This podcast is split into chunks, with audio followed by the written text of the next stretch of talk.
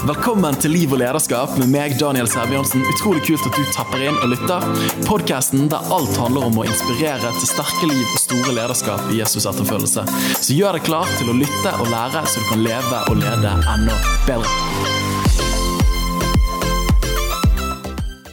Oh yeah! Da er det stor stas for meg å kunne få lov til å invitere til en ny episode med Liv og lederskap. Og uh, tusen tusen takk til deg som lytter inn. Det er gøy at det er så mange hundre folk som lytter inn hver eneste måned på dette.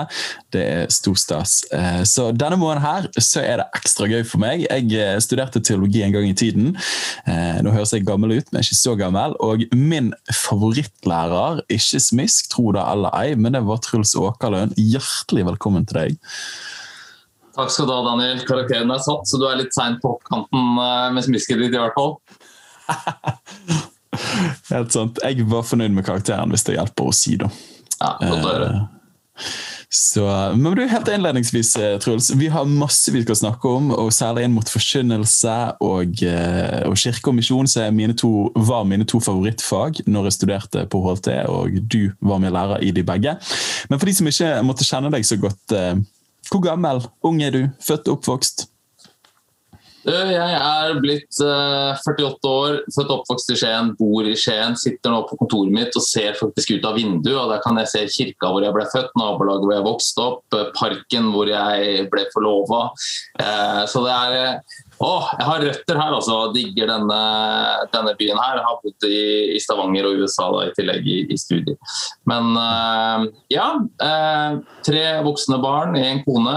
Barnebarn, faktisk. Tre Oi. måneder gamle Ada, som er uh, har krøpet langt inn i hjerterota. Endelig kom det en jente inn i denne familien også. Så ja, altså jeg er pastor i Saltskjeen. Uh, og da, som du har vært inne på, eh, jobber som førsteamanuensis på Høgskolen for ledelse og teologi. Mm. Du, Så herlig, altså. Det, altså nå begynte jeg å lure, Du er 48 år, fått barnebarn allerede. Hvor ung var du da fikk første unge? Sånn, eh, det er jo sånn god kristen Når du ser på bildet, så ser det ut som vi slo sammen konfirmasjon og eh, bryllup for å spare penger. Men jeg var skal vi se, jeg var 20 da jeg gifta meg, og 22 da vi fikk vårt uh, første barn. Ja. Mm. Nei, men Det høres ut som god frikirkelig tradisjon. Helt riktig. Vi har ført den videre, og det er veldig veldig gøy. Ja, Så bra. Jeg husker sitatet blant mine gode venner. Jeg var jo litt treig. Jeg giftet meg når jeg var, jeg var jo 23, så jeg var jo treig i forhold til mine kompiser. Det er ikke bra. Eh, men de pleide alltid å sitere til meg Paulus sine ord. Det er bedre å gifte seg enn å brenne av lyst. Eh, så de ble gifta oh. rundt 18-19 år. Eh, ja, jeg vet ikke om det var bare det som gjorde at jeg gifta meg. Man skal helst søke kongen om lov til å gifte seg, vet du, liksom i god kristen tradisjon. Vi slapp det, da. Men vi inviterte faktisk kongen i bryllupet vårt. Jeg sendte et uh, formelt brev til Slottet og inviterte dem. Og argumenterte for at de burde komme i vanlig bryllup og ikke bare de der kongebryllupene sine. Og fikk et formelt brev fra en eller annen hoffmarskalk eller hva det var for noe om at de dessverre ikke kunne komme. Du er helt magisk. helt magisk. Da får du gunne på med sølvbryllup og gullbryllup. Sølvbryllup er for seint, men ja, gullbryllup kanskje. Ja. Du så bra Utdannelsen din, du sa du var førsteamanuensis. Det er jo vanskelig å uttale. Eh, hva ligger bak eh, en slik tittel? Uh, ja, det er jo litt kjedelig, men uh, først, det, betyr at du har tilsvarende doktorgradskompetanse. Men uh, min doktorgrad er i organisasjonsledelse, fordypning i kristenledelse. Og så har jeg en master i praktisk teologi og masse annet rubbel og råte som Så det blir noen år til sammen. Ehm, men bare en liten parentes der er jo interessant, fordi det jeg, det, hvis du skal liksom spore min åndelige røtter tilbake, så fra jeg var 14 og opplevde liksom et kall fra Gud, så hadde jo ikke jeg tenkt å studere noen ting som helst. Ja. Ehm, jeg hadde tenkt leste jo bøker ikke sant, om uh, Lester Summerall husker jeg særlig, som dro ut som 16-åring. og tenkte søren, det skal jeg gjøre, skal ut som evangelist, jeg skal ikke studere. Eh, men det var jo ingen som etterspurte mine evangelisttjenester etter ungdomsskolen, så da tenkte jeg jeg må jo finne på et eller annet. Så jeg begynte på videregående. Jeg husker vi satt i naturfagsalen på Skien videregående skole, og læreren gikk og delte ut sånne brosjyrer for eh, universitetet og sånn. tenkte jeg det skal jeg i hvert fall aldri gjøre i hele mitt liv. så har det blitt jeg vet ikke hvor mange år, ja, men 10-11 år med studier eller noe sånt som heter wow. videregående til slutt. Å, så herlig. Jeg, jeg, jeg, kan, altså, jeg, kan, relatere til den fortellingen der. Sterkt gudsmøte i ung tenårene og tenkte at etter ungdomsskolen så er det rett på bibelskole, og så er det ja. fulltidstjeneste. Ja, Gikk dog ikke slik, eh, men eh, veldig takknemlig for reisen som ble. Ja. Så Nei, men du er litt funny question, da. Truls. Eh, hvis du hadde bodd i en boligblokk, som du da antar at du ikke gjør, og så mm. skulle du laget et Wifi-passord eh, som da alle naboer skulle lese i denne kommunistblokken som du bodde i, eh, hva ville du valgt da? Ja, men Det er jo ikke et funny spørsmål å stille til meg, for det blir jo ikke noe morsomt. Det hadde helt sikkert het uh, uh, navnet på ruteren og Truls, liksom. Det er jo ikke Det er ikke der jeg gjør morsomme ting, altså. Det er med navnet på wifi, liksom. Så det, det hadde ikke blitt kjempemorsomt i det hele tatt. Nei. Nei, men det er helt greit, det. det er helt greit. Men jeg har en kompis som har verdens morsomste passord. for Det er sånn der, eh, det var passordet på nettverket ditt. så er det sånn der, eh, Husker ikke. Ja, er, kan du prøve å huske det? Ja, men det er 'husker ikke'. Eller 'sa jeg ikke det til deg sist?' Eller et eller annet sånt. Liksom. Det, er sånn. det er alltid veldig morsomt å være hos han og spørre etter passord. for det, det, Du må liksom spørre tre-fire ganger før du skjønner at det er faktisk passordet han sitter og sier. Ja. Men uh, ikke noe morsomme navn på nettverket. Altså. Nei, så det hadde ikke vært anledningen for å være et vitne? Nei. ja, det burde det vært det, ja. Som eh, et eller annet med Jesus eh, og sånn. Jeg bare lurte på om det var liksom første refleksen, Nei. men uh, Pinsevenn og mer tunger. Ja, ikke sant? Shagabahaya nett. Ja, men herlig, herlig. så bra. Du, eh, det, første, det, første, som vi hopper inn i, er jo så klart eh, trosfortelling, troshistorie, relasjon mm. til Jesus Kristus.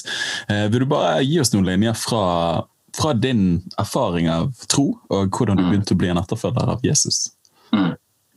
Ja, vokste opp i eh, kristent hjem. I hvert fall foreldrene mine, så lenge jeg kan huske. Jeg tror de hadde en sånn eh, eh om det var frelseserfaring eller en type oppvåkning i, i min barndom.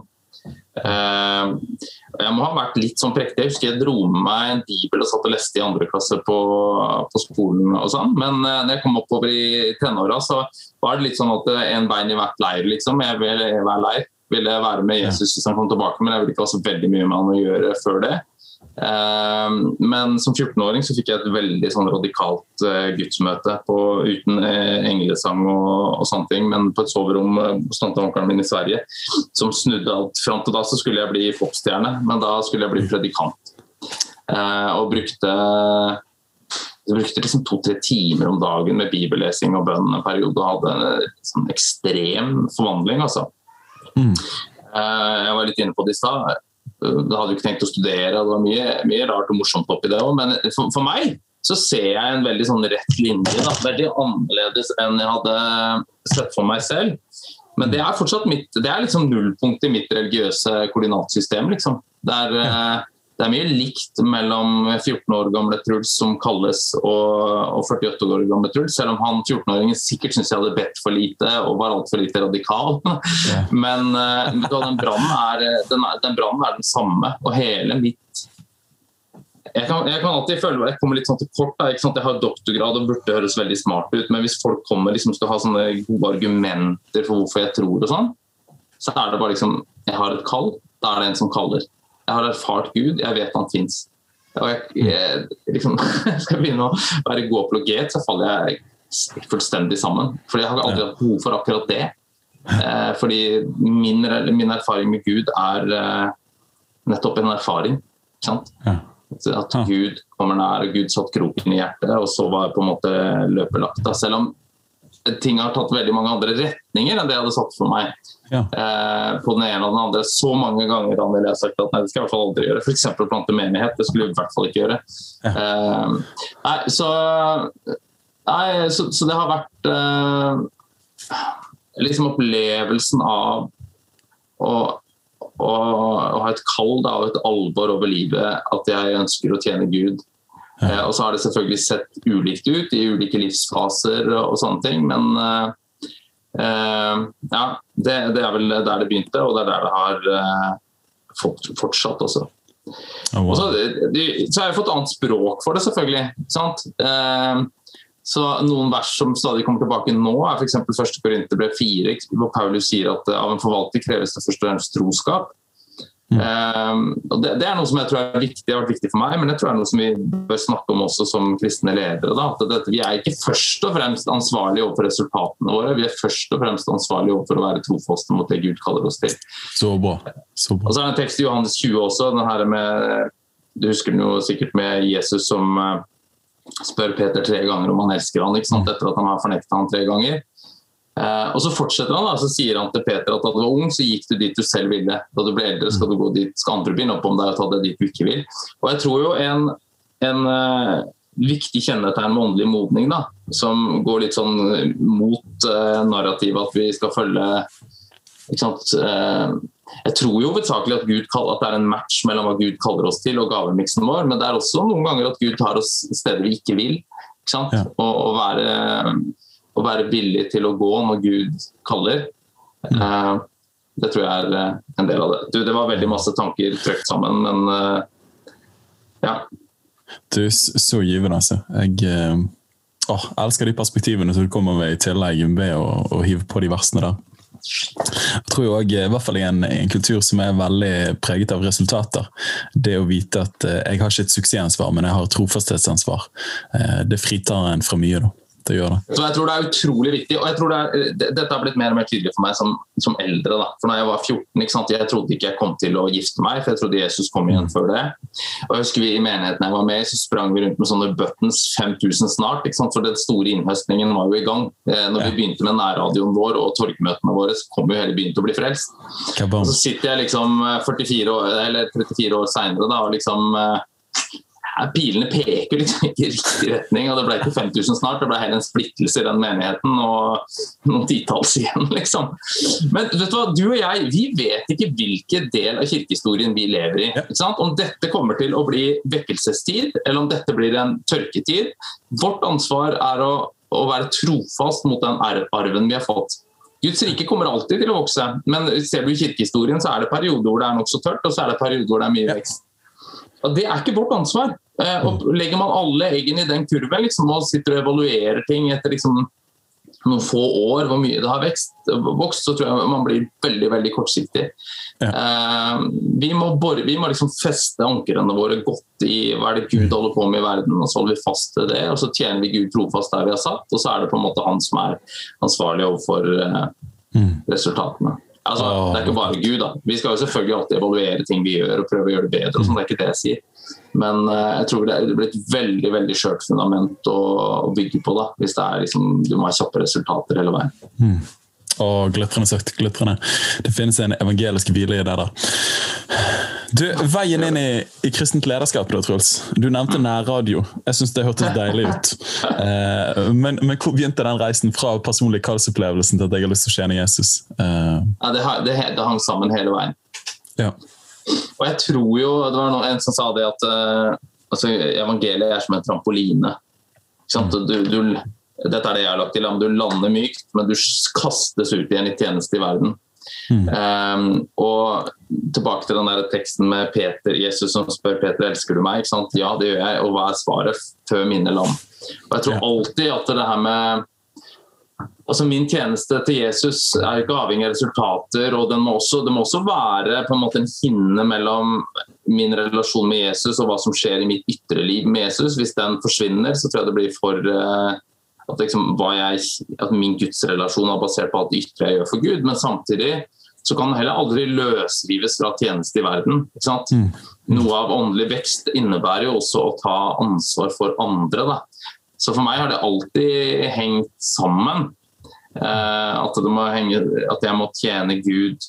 Eh, altså Det at Gud har kalt meg, det at jeg har en relasjon med Gud, må føre til at jeg tar, også tar ansvar for noen andre. da.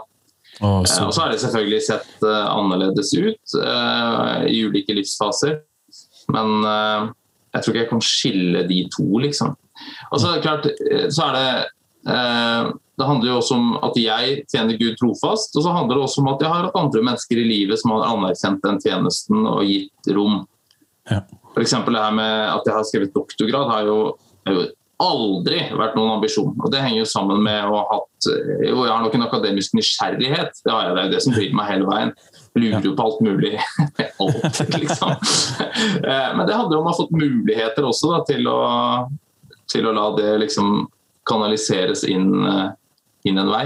Og så er det viktig for meg det, og ikke bare, for jeg har en kritisk side, og da mener jeg ikke negativ, men en kritisk sånn, spørrende side. Men hvis den hadde fått stått og slure fritt bare i akademia, så kunne jeg fint begynt å, som jeg syns kan være en far i akademia, da, at man begynner å utforske rare spørsmål og, og bare sitte på siden liksom, og mene ting om, om alt mulig. Men det å ha beina planta i et lokalt fellesskap da, eh, av mennesker som jeg både har ansvar for og tjener Gud sammen med, det tror jeg er utrolig viktig. Altså. Mm. Og spennende perspektiv det der. Det har vært gøy å, å snakke mer om akademia og praksis osv. Jeg bare tenkte på, jeg leste en biografi for en tid tilbake om Ole Hallesby. Mm. som var det store indremisjonsselskapet og nå Nordmisjonen. så liksom mm. En av de store patriarkene der. Men måten de utrustet prester på, men samtidig var så lokalt plantet til en viss grad, at, at de institusjonene ble virkelig en tjenende ressurs for det lokale arbeidet. Der opplever man kanskje at det er litt sånn motsatt nå. At de store institusjonene gjerne kritiserer oss stiller spørsmål ja. som skjer på bakkeplan fordi ja, de har mistet veldig, kontakten veldig der. Ja. Eh, som er kjempetrist. Ja. ja. Det sier vi jo på HLT òg. Det minner vi hverandre på igjen og igjen. Altså Hvis vi må velge liksom, mellom å tjene Kirken og akademia, så velger vi Kirken for hele legge ned skolen. Liksom. Men nå tror jeg ikke vi trenger Vi har ikke opplevd at det har vært noe valg ennå, da. Men eh, vi skal være praktikernes beste venn. Men man er jo en god venn også ved å stille kritiske spørsmål, selvfølgelig. Ikke bare applaudere. Helt sant. Helt sant. Men da må vi passe på at vi har beina der sjøl, så ikke vi drifter inn i bare masse kritisk tenkning som ikke er relevant. Come on. Og det tror jeg kanskje var noe av den deilige arven, og, og grunnen til at man gjerne valgte å holde til i den grad, er jo at uh, man ønsket å kombinere både åndskraft, men òg akademia. Mm. Eh, og gjerne litt mer barnlige bilder, men både et stort hjerte, men uh, et beriket hode på samme tid, som kan mm. bevege noen hender yes. med større fruktbarhet. Bra sagt. Så det er bra. Du, eh, mitt favorittfag er jo ingen tvil eh, prekenlære. Eh, homiletikk er vel det det heter på fagspråket. Mm. Eh, og jeg har hatt stor glede av å reise og preke mye. Og eh, takknemlig for alle som har lyttet til min tjeneste og satt pris på det. Men eh, en av de viktige premissleverandørene, i hvert fall for min forståelse er forkynnelse Husker du sa Truls, at, eh, at forkynnelse er ikke bare å preke, men det er òg et fag. Eh, og Man kan bli bedre på det, man kan lære. og husker du sa alltid eksperimentere med noe nytt når du mm. preker. Og det, og, og den litteraturlisten som du bladde opp. og Jeg var litt sånn spent, sant? for jeg kommer fra en frikirkelig, lavkirkelig tradisjon der det handler om åndens inspirasjon mm. mer enn at man skal ferdigformulere catchy phrase på forhånd. Nå har jeg blitt veldig glad i det, da. Eh, men når du plutselig åpnet opp et landskap der det er faktisk mulig å lære om dette her. Og det finnes faktisk noen maler, det finnes noen pedagogiske og didaktiske grep som man kan gjøre. Eh, som ikke er et hinder for Guds verk, men tvert imot kan få lov til å tjene det Gud ønsker å gjøre. Eh, for meg var det et paradigmeskifte, eh, og, og, åpnet en, en, dør inn i et spennende landskap som jeg har fått lov til å, å drikke av senere. Så jeg tenkte at eh, hva er vel gøyere enn å, å slippe løs eh, din homiletikk-ninjakompetanse til eh, flere mennesker? Så dette Yeah, er du klar for det? Kjør på. Så bra. Du som foreleser i homiletikk dette er, jo liksom, dette er jo liksom vanlig akademisk spørsmål, men hvordan vil du definere forkynnelse? Hva er det for noe? Åh, jeg veit ikke om jeg jeg, der har jeg lyst til eh, kanskje å eh, ikke definere det, men heller prøve å se på det som en uh, event. Og Da drar jeg litt på en amerikansk homoletiker som heter Thomas Long. fordi at disse definisjonene altså Man kan jo godt prøve å definere Det er noen som har sagt hva er det for noe altså det er ja, jeg, alltid når jeg foreleser om dette, så drar jeg fram definisjoner, men jeg husker ikke noen av de nå. Saken er jo at det, for det er jo ikke bare noe som skal defineres, men det er noe som skjer. ikke sant? Som har på en måte flere Det skjer i et rom. og sånn sett så er det noe annet å høre på en podkast enn å høre på en preken. Det er noe annet å sitte med hvis du er der. Det betyr ikke at du ikke kan høre på det, men du, det er jo aspekter du ikke får med. ikke sant? Det er noe annet å sitte med eh, mitt prekenutkast som jeg har på PC-en eller på papir, eh, og det som faktisk skjer der og da, for det er et event som også skjer. Eh, og i, denne, i, dette eventet på en måte, så handler det jo om ordet som forkynnes. Eh, og det er jo helt sentralt. ikke sant? Hvis det skal være kristen forkynnelse, så må det være Bibelen som er utgangspunkt for det.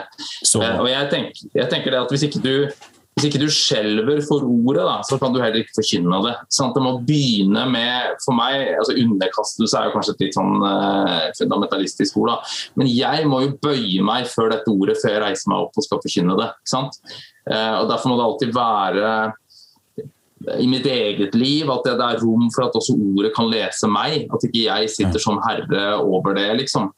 Eh, det betyr ikke at du ikke skal jobbe med god teksteksegese og lære deg ferdigheter i tekstutleggelse, men det må være en respekt for ordet i begynnelsen der, før du skal tale. Eh, og at det er Gud som har talt, alt annet er et ekko. Hvis ikke Gud hadde talt, så er det heller ikke noe å si. Og Det er så viktig å tenke på. det. Altså, vi reiser jo oss ikke opp for å forkynne for at Kristus skal komme. Det er jo nettopp fordi Kristus er der at vi skal, vi skal forkynne. Vi trer inn i noe som begynte før, før oss. Og hele Forkynnelsens hensikt må jo nettopp være å koble folk på den fortellingen. Eh, det er vel Leslie Newbigin, tror jeg, som begynner å snakker om at Skriften er ikke først og fremst noe vi ser på, men det er noe vi ser gjennom. Det kjenner jeg som en av mine hovedoppgaver som pastor også. Det er jo, det er jo igjen og igjen å liksom jobbe med å få en gruppe mennesker til å se livet sitt i lys av Bibelen. Ja. For i vår kultur så er det så veldig lett at liksom Eh, troen liksom, det er ett rom i livet. Sånn et, hvis livet er et hus, da, så har vi alle disse andre tingene. Og så er liksom troen det er ett rom i dette livet. Og det er en dør som vi åpner på søndag eller i kristne høytiden eller noe sånt. Men det, det, er jo ikke sånn det er. Sant? Mm. Troen skal jo være lufta som følger fyller alle rom i livet vårt. Ikke et isolert rom. Eh, og da tror jeg også at eh, Nå beveger jeg meg litt bort fra bare forkynnelse, da, men liksom det å eh, ikke altså forkynner, Som forkynner så skal jeg jo ikke først og fremst eh, gi folk bibelsk støtte for at de kan leve livene sine sånn som de gjør, men at vi skal løfte fram bibelfortellingen på sånn måte at eh, ja, sånn, Dette tror jeg Long også som sier at eh, vi skal ikke gi eh, altså Vi skal gjøre bibelfortellingen til vår fortelling, ikke finne mm. støtte for vår fortelling i Bibelen. hvis du skjønner forskjellen. Ja, veldig bra sagt. Bra sagt. Ja. Så Ordet er jo den ene delen av det, og så er det selvfølgelig forsamlingen som jeg snakker til. Jeg må jo lytte inn og prøve å forstå hvor er det den er. Hva er det som trengs å sies her nå? Er det ting som har, eh, som har skjedd? Hvor er vi i vår reise? Det tror jeg er også en del av det å være en forkynner og en del av forkynnelse. Det er jo å klare å lese sin egen eh, forsamling. Og så må jeg prøve å lese konteksten rundt oss. Hva er det som skjer? Eh, er det ting i samfunnet vi må ta opp? Vi må prøve å forstå tilhørerne. Hva er det, hva er det som har forma dem? Hva er det som former oss? En del av kulturen vi er en del av. Disse folka som kommer inn på søndag, inkludert meg selv, vi er, går jo og vasser gjennom hele uka og marineres i virkelighetsfortellinger om en, om, en, annen fortelling av det gode liv. Da. Ja, eh, eh, og en som har forma meg mye der, er egentlig, det var kanskje etter at du tok dette faget òg, men det er en som heter Walter Bryggemann, som egentlig er GT-teolog. GT ja, du nevnte han. Du nevnte han. Jeg husker jeg gjorde det. Ja, jeg kan se. Han, eh, ja. Uh, men uh, han uh, snakker jo om det uttrykket som han kaller prophetic imagination, altså en profetisk forestillingshorisont, om du vil. Som ikke handler om profetord, først og fremst, men handler om profetene som ser verden i lys av hva Gud har gjort. Og det å hjelpe eh, Hvis ikke det er eh, Et av spørsmålene som han sier, da, når han snakker om forkynnelse, det er at forkynneren skal stille spørsmålet What if? Hva om? Hva om Gud faktisk lever? Hva om Gud faktisk sier dette her? ikke sant? Mm. For at vi lever veldig fort gjort som praktiske ateister. hvor vi har denne troen vår som en, som en del av livet. Men i liksom alle disse valgene som vi tar gjennom uka og i veldig mye av tankegangen vår, så er liksom Gud bare eh, Evangeliet blir litt sånn ufarlig og en del av alt sammen. ikke sant? Ja. Eh, men det å for eksempel, En ting som jeg kommer stadig tilbake til. Da. Tenk på juleevangeliet for eksempel, i Matteus. Det står eh, Med en gang vi bare hører det skjedde i de dager, så kjenner vi lukta av ribbe og pinnekjøtt og gode følelser. Så mm. Teksten mister jo evne til å provosere oss og til å ryste oss. Men hva er det som skjer, da? Det kommer, Vismennene kommer til Jerusalem, de går til hoffet, og så står det om kong Herodes at Herodes og hele ble svært urolig, og hele Jerusalem med ham. Altså dette, det er jo bare miljøbevegelsen som blir svært urolig over julefeiringa nå. Det, det, ryster jo ikke oss på noen måte, men søren hva er det denne litt gale monarken skjønner som ikke vi skjønner? Jo, det er jo at hvis dette er sant, så er det veldig mye annet som ikke er sant. Og Hvis dette riket kommer, så ryster det litt våre riker i, i grunnvollen. ikke sant? Og det å klare liksom å eh, Du må treffe folk der hvor de er. ikke sant? Derfor må vi forstå kulturen rundt oss hva er det de tenker på, og finne liksom kontaktpunktene.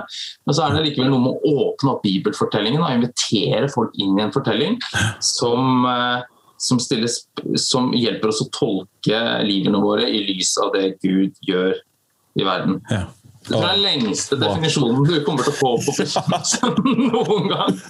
Det tror jeg òg.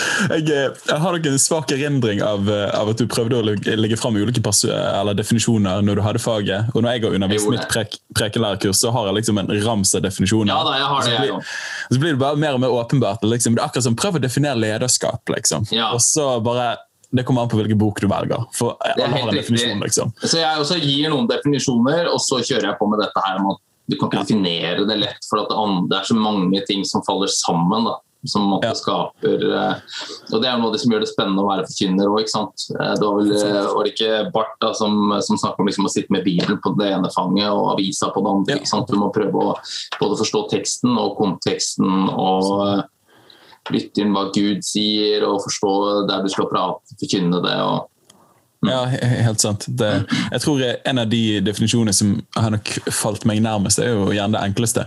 Eh, men anti-right han har en litt sånn lang utlegning, og så er det liksom It's meant to be a God event. Eh, ja. Og så bare sånn Ja, jeg tar den, den kan jeg huske. eh, men dypest sett så er det et gudsmøte der det immanente ja. møter det transcendente. Eh, at, at, det er mer For meg hadde det nesten vært viktig å si at jeg ofte er det liksom poppis i kristne settinger da, at vi snakker om at vi er kommunikatorer. Eh, men liksom, kristen forkynnelse er noe annet enn å bare være en kommunikator av tanker og ja. ideer. Men du er en vert for et tidløst ord og tiden der Gud selv kommer og intervenerer. Da. Eh, tror jeg er så viktig. Det er en overnaturlig dimensjon ved det nå. Ja, det er helt enig eh, Og grunnen til at det, det har man ikke alltid gjort i kirkens historie, men eh, som jeg, som jeg, tror er viktig, og som jeg hører du sier òg. Grunnen til at vi skal jobbe med kommunikasjonsferdigheter, og sånn, det er jo nettopp for at Gud har talt. Mm. Altså Hvis Gud har talt, så må jeg gjøre det jeg kan på min side for at folk skal forstå, og høre hva han sier, og ikke bare bli opphengt i eh, mine rariteter og uvaner, liksom. Mm. Men det er, det er, vel Nordhaug som skriver i sin bok eh, om forkynnelse som performativ tale, altså ordet som skaper det vi sier, litt sånn ut fra Luthers teologi. Det er en ting jeg virkelig tror på. For det, jeg, jeg, sier det, prøver liksom å tenke litt for meg sjøl, og, sier det noen ganger òg, men at det, ofte så snakker vi mye om Gud, men i forkynnelsen så vil jeg tale som Gud. Og, og, og jeg, jeg vil Åh, jeg vil ikke stå der og prate om evangeliet som en ting. Jeg vil innby og invitere til evangeliet. sant? Mm. Eh, og der er kanskje litt sånn i mitt hode, da, uten at dette er noe vanntette skiller, også litt sånn forskjell mellom mer undervisning og forkynnelse. For når jeg reiser meg opp og skal forkynne, så vil jeg løfte fram noen til, og jeg vil invitere mennesker til å ta imot det å, snakke om dette sånn at ordet skaper noen ting. At ikke evangeliet er noe som bare legges på bordet, og så snakker vi, går vi rundt og prater om oh, det. liksom. Så Gud ja, handler jo i dette ordet også. Okay, det er Luther han sier vel å forkynne evangeliet er helt enkelt at Kristus kommer til deg. Eh, den at, at, det er ikke bare en forelesning, men en forkynnelse. Der Gud ja. faktisk kommer selv. Åh, du, Her kan vi nerde mye. Jeg kjenner at Dette er jo bare et landskap. altså Herlighet. Her blir det oppfølgingspodcaster.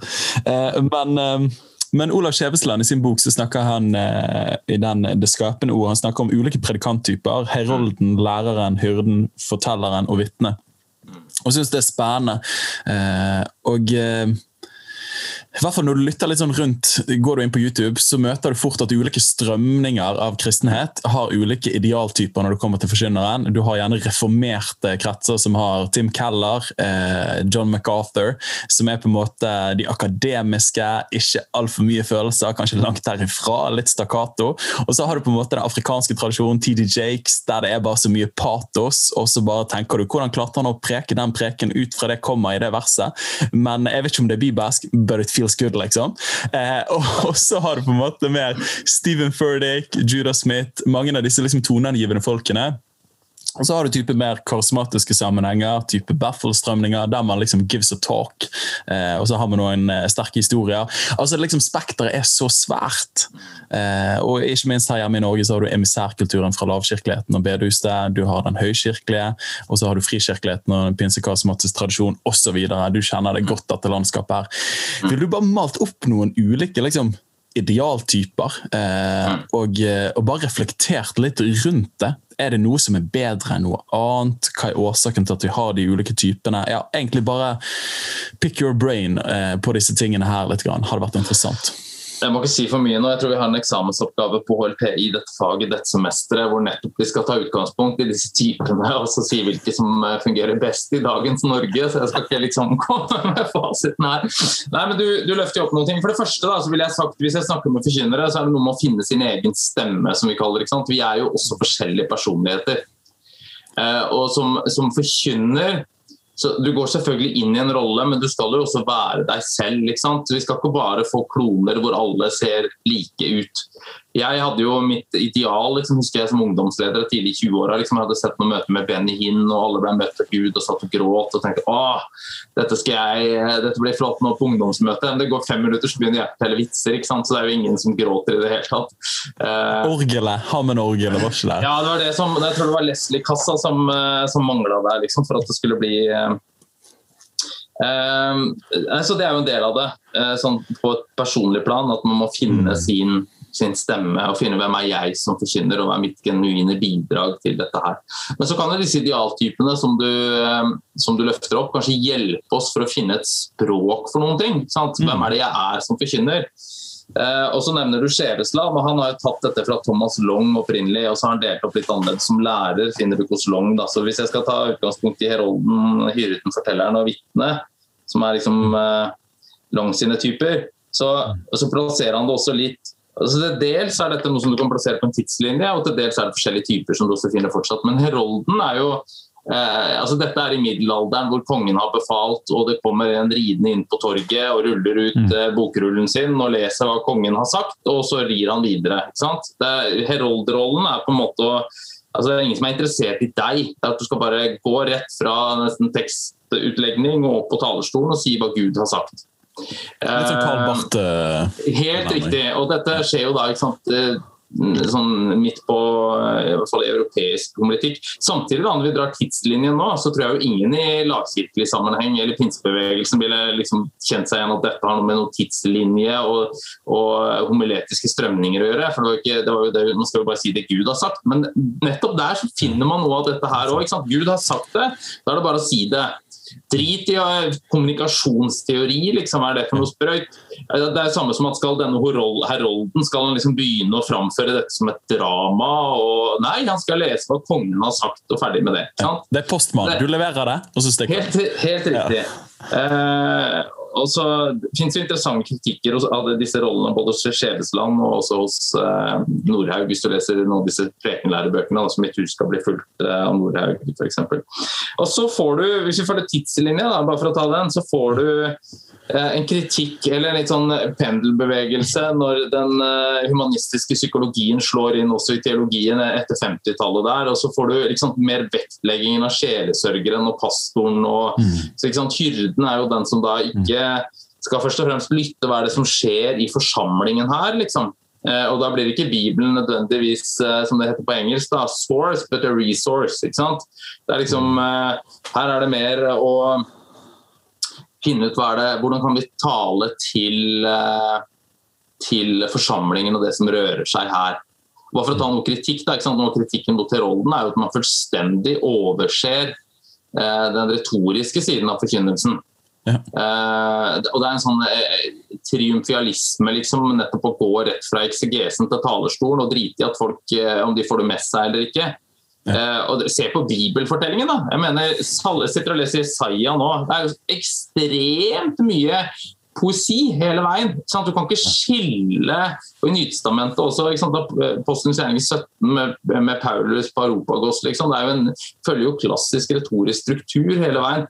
Eh, sånn at det å eh, Jeg tror vi altså det er noe kritikken der. Noe kritikken mot hyrden er jo det at man blir fort antroposentrisk. Da, du, det blir først og fremst å svare på folks spørsmål. og Som Leslie Newbegin sier, altså, Kirken skal ikke først og fremst stille, svare på spørsmål som verden stiller, for verdens spørsmål er ikke spørsmål som leder til liv.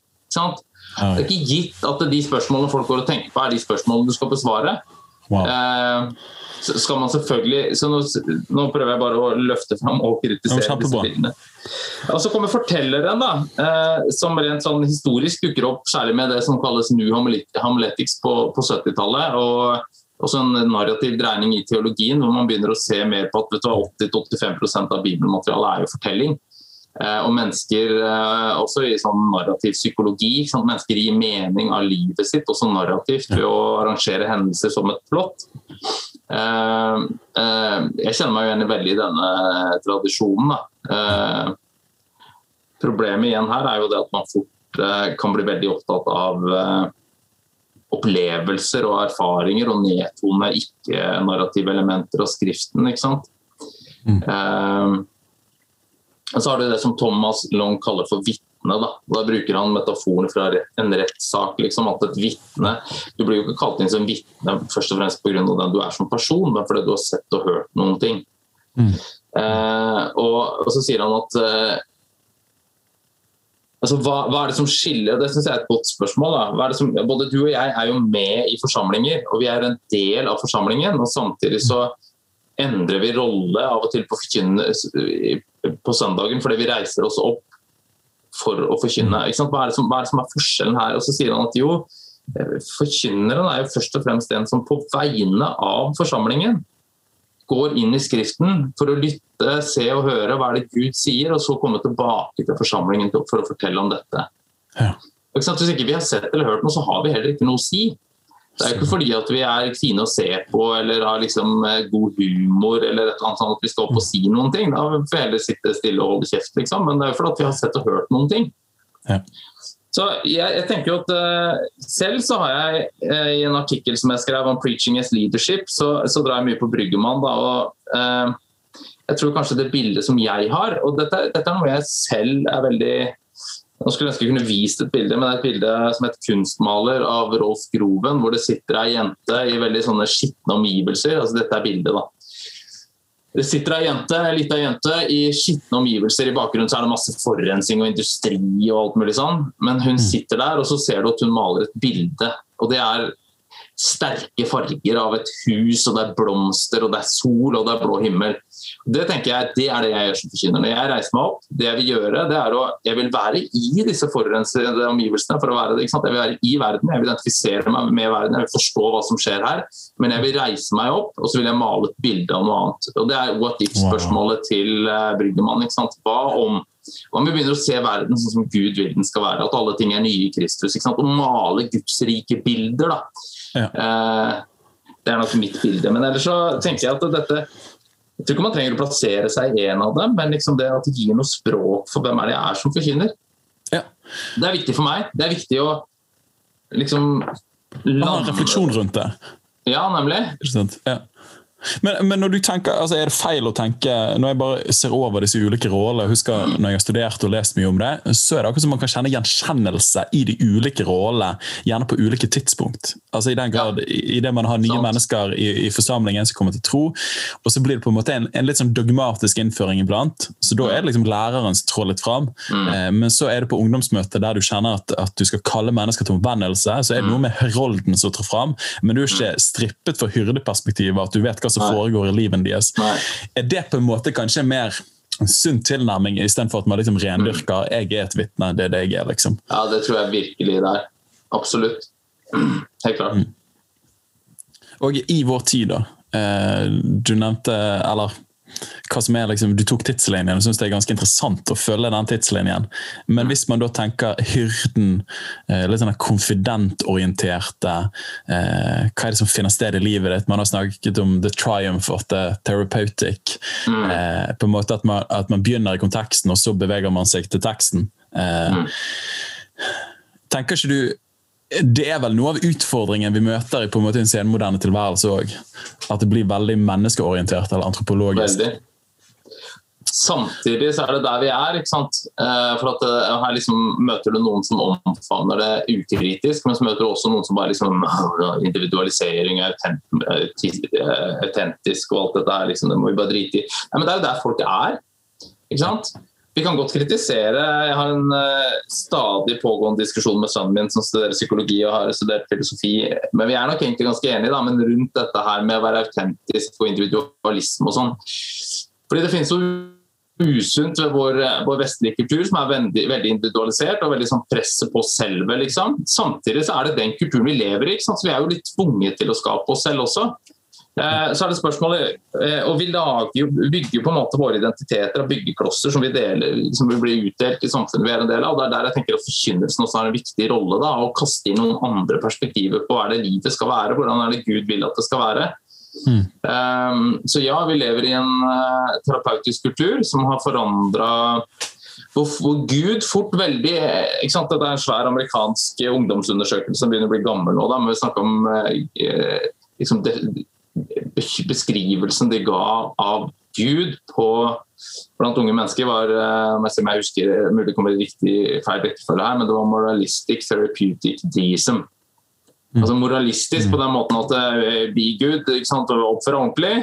Eh, terapeutisk. altså Gud er en sånn butler som sitter oppe i himmelen og stiller for meg når det er vanskelig. Og så er det en deisme. og så hva vil det si? Jo, det er urmakerguden. ikke sant? Det er han som egentlig ikke har så veldig mye med oss å gjøre i det hverdagslige, men han er jo der, han har skapt alt, og vi kommer til himmelen når vi dør. Så vi ender jo opp som en litt sånn der kristen utgave av kardemommeloven. ikke sant? At du skal som jeg ikke har litt for gamle barn til at jeg husker nå, men det er liksom du skal være Du skal ikke plage andre, du skal være snill og grei. Åssen er det igjen? Du skal ikke plage andre. Kan du gjøre som du vil? Ja. Ja, det er jo ikke sant. Så passer Gud perfekt inn i dette her. Som en eller annen som ja. Når livet suger, så kan vi gå til Gud, liksom. Men uh, det er jo ikke en kristen teologi. Det er jo ikke en kristen tro på Gud. Oh, det, det skal du lese noe bra ja. skal lese noe bra om dette, her, så er det en uh, professor på Universitetet i Oslo som heter Ole Jakob Madsen, som skriver veldig innsiktsfullt bl.a. i en bok som heter 'Den terapeutiske kultur'. Mm. Så det er oh, Spennende. Dette her må vi dykke mer inn i. Jeg, eh, for, for, to kvelder siden så var jeg ute nå er det russetid, og så var jeg ute med noen gode brødre på Burger King, og så kommer det unge russ bort da, som, som eh, vi kommer i prat med de, og, og de er kristne av noe slag. Eh, og så begynner vi å stille spørsmål ja, men hvem er Jesus for dere. da? Og så bare symptomatisk for den tiden. da, jeg bare, Nei, For meg så handler Gud om Jesus han er gode vibber. Det er det det handler om. Han er, he is good vibes. Eh, og så bare tenkte jeg come on! Eh, så det er på en måte akkurat det Han er en god butler som hjelper til når jeg trenger det.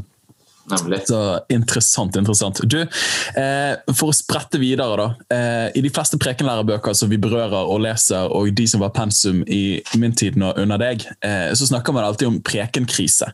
Eh, mm. Og Det henger nok i takt med den sekulære tiden man lever i. At, at det å være forkynner gjerne for 50-100 år siden, og Ola Hallesby hadde sin radiotale om helvete osv. Så, videre, så om så man ikke var enig, så var det en ærbødighet overfor prestens, predikantens, emissærens ord. Dette var mennesker som bar et budskap, det gjorde noe, vi måtte forholde oss til det i en eller annen grad om vi var enige eller uenige. I dag snakker man om prekenkrise. Gjerne at det er få folk som sitter under talerstol, og de som sitter der, bryr seg kanskje ikke nødvendigvis veldig mye. Eh, hvordan vil du skildre prekenkrise, hvis du vil skildre en prekenkrise? Og i så fall, hva kan noe av vårt tilsvar være? da? Mm. Oh, det er jo krise på mange men dette henger jo ikke sammen med bare Jeg syns jo noen av disse bøkene da, liksom kobler nærmest eh, sekulariseringen til at forkynnelsen har vært sånn og sånn, og det tenker jeg det blir litt naivt. Dette er svære samfunnsendringer som og En del av denne prekenkrisen kommer jo også som, mer som et resultat av det. da. Altså En ting er jo f.eks. fravær av det vi kan kalle ekstern etos. Du har jo ikke, du har jo ikke noe tyngde som i, i, gamle dager sant, så var jo presten og, presten og lensmannen eh, var jo noen av autoritetsfigurene sant, i byen eller bygda. og så Når presten reiste seg opp og talte, så hadde han jo mye autoritet i, i kraft av å være prest.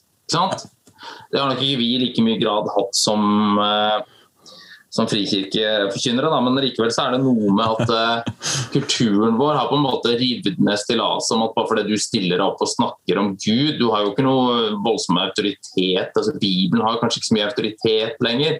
sånn at Du starter på en måte mye mer på scratch. da.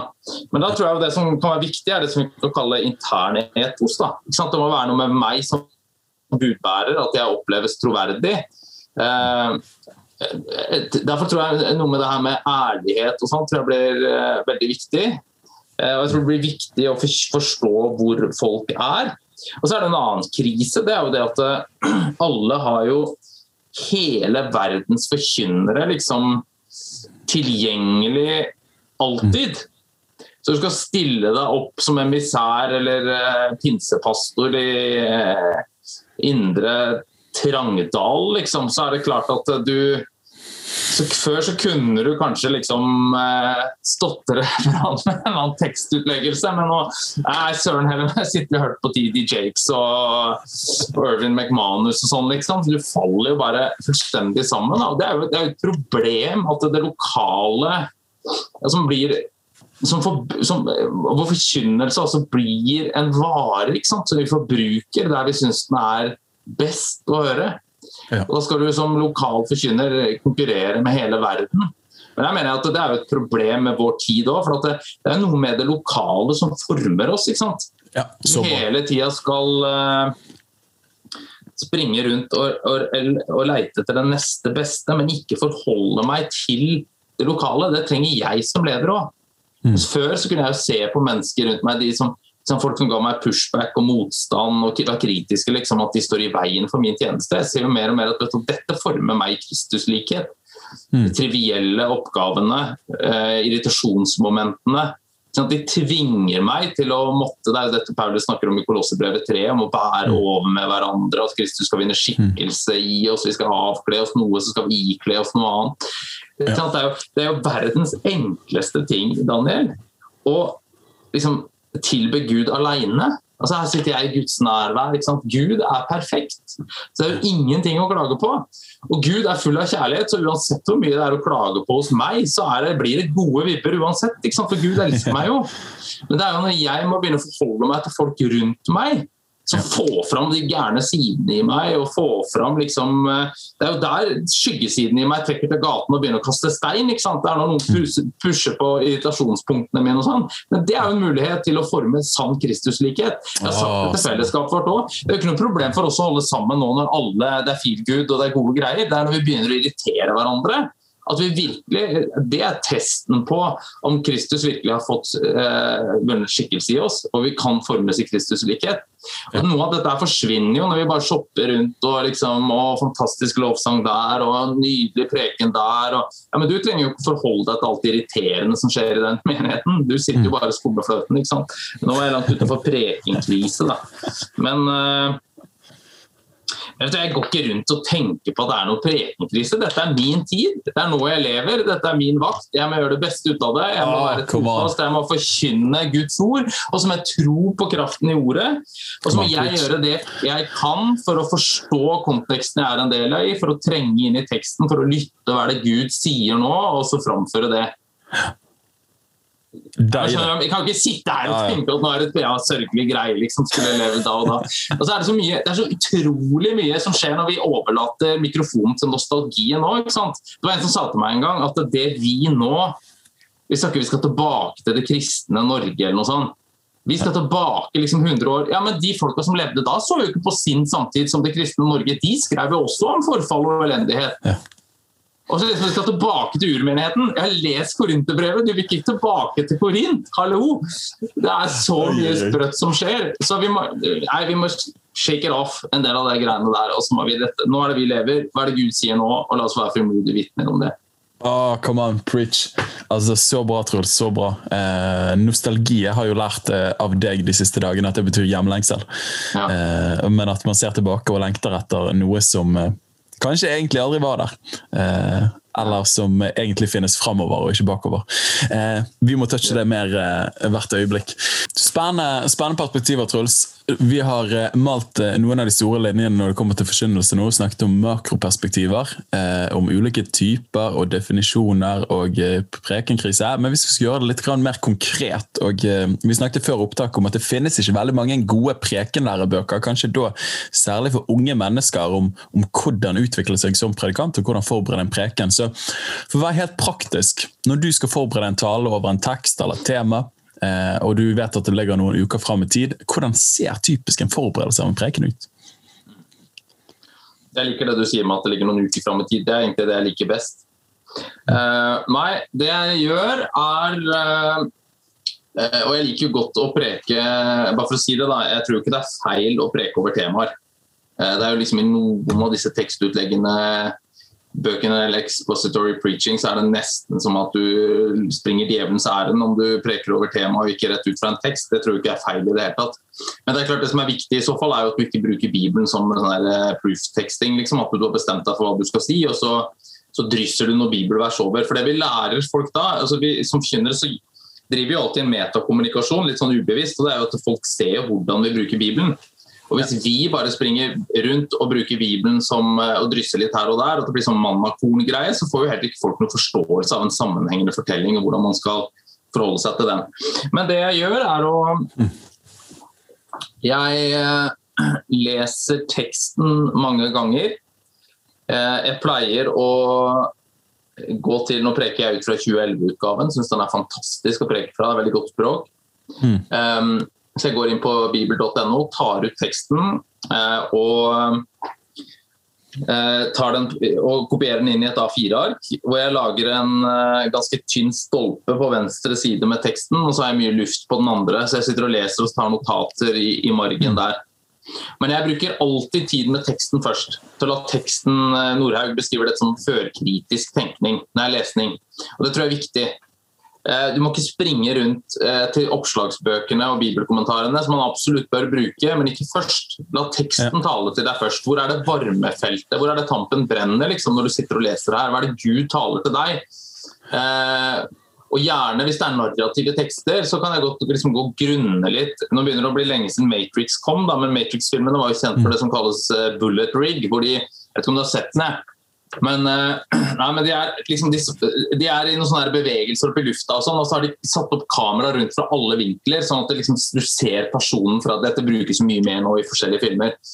Og det, det tror jeg er liksom, Du setter sett fortellingen på en pause.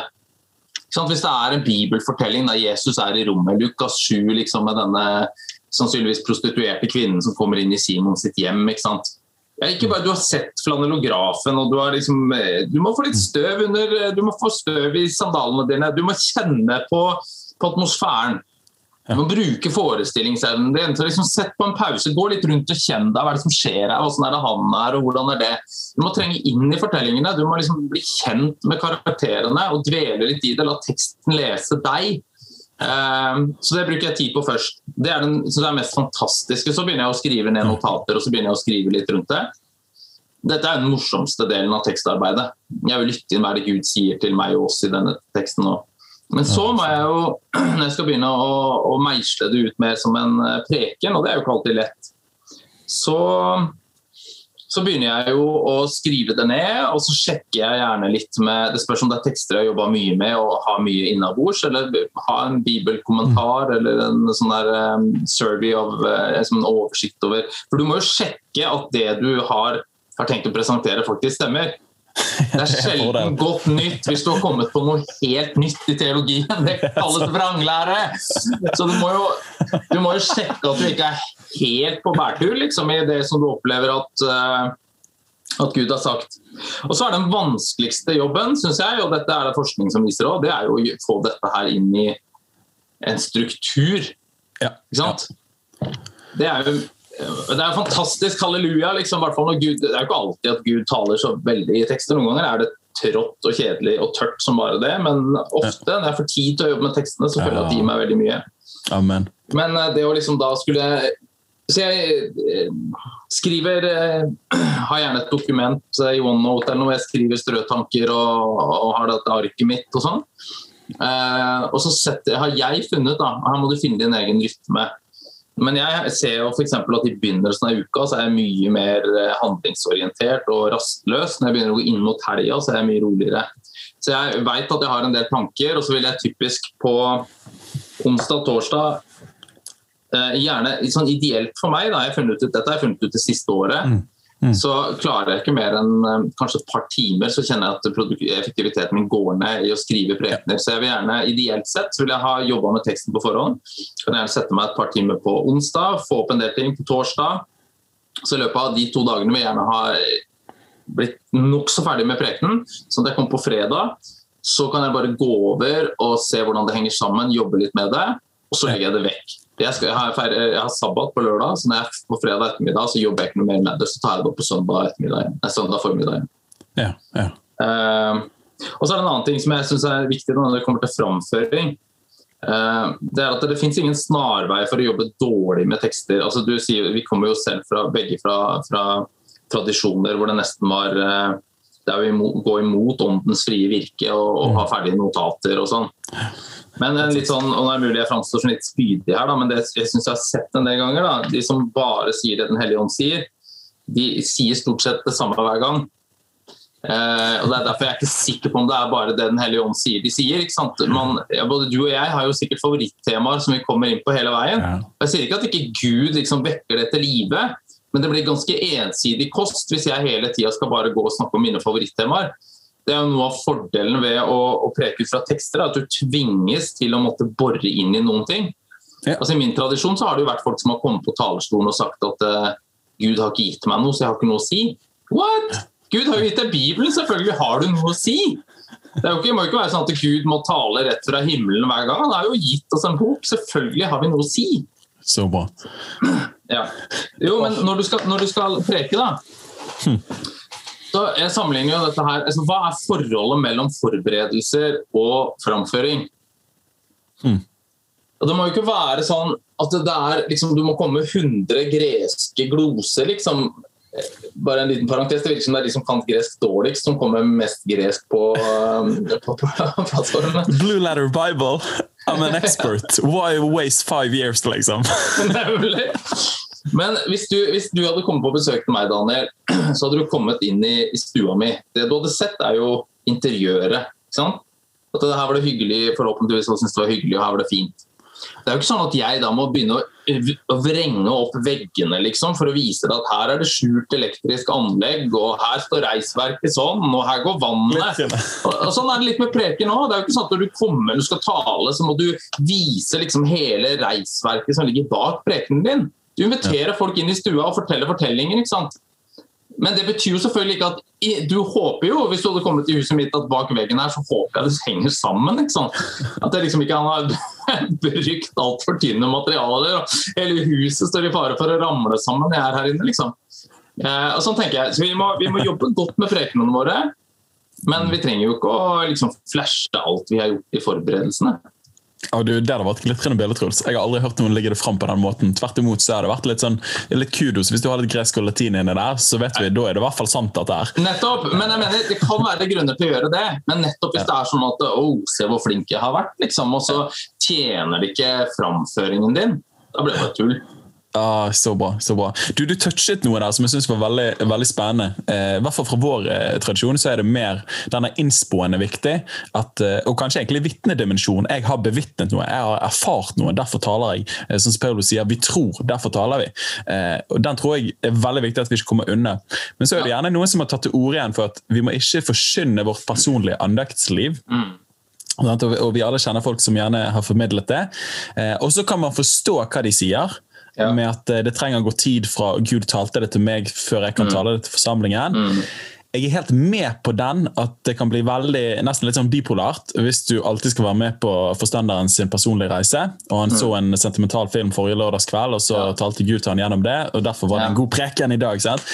Samtidig så syns jeg det kan bli litt sånn klinisk hvis ikke ja. det som skjer i meg, kan få lov til å besmitte de. Eh, og det var vel eh, Nå, nå kaster jeg en brannfakkel, men Bill Johnson, da som er elsket av alle.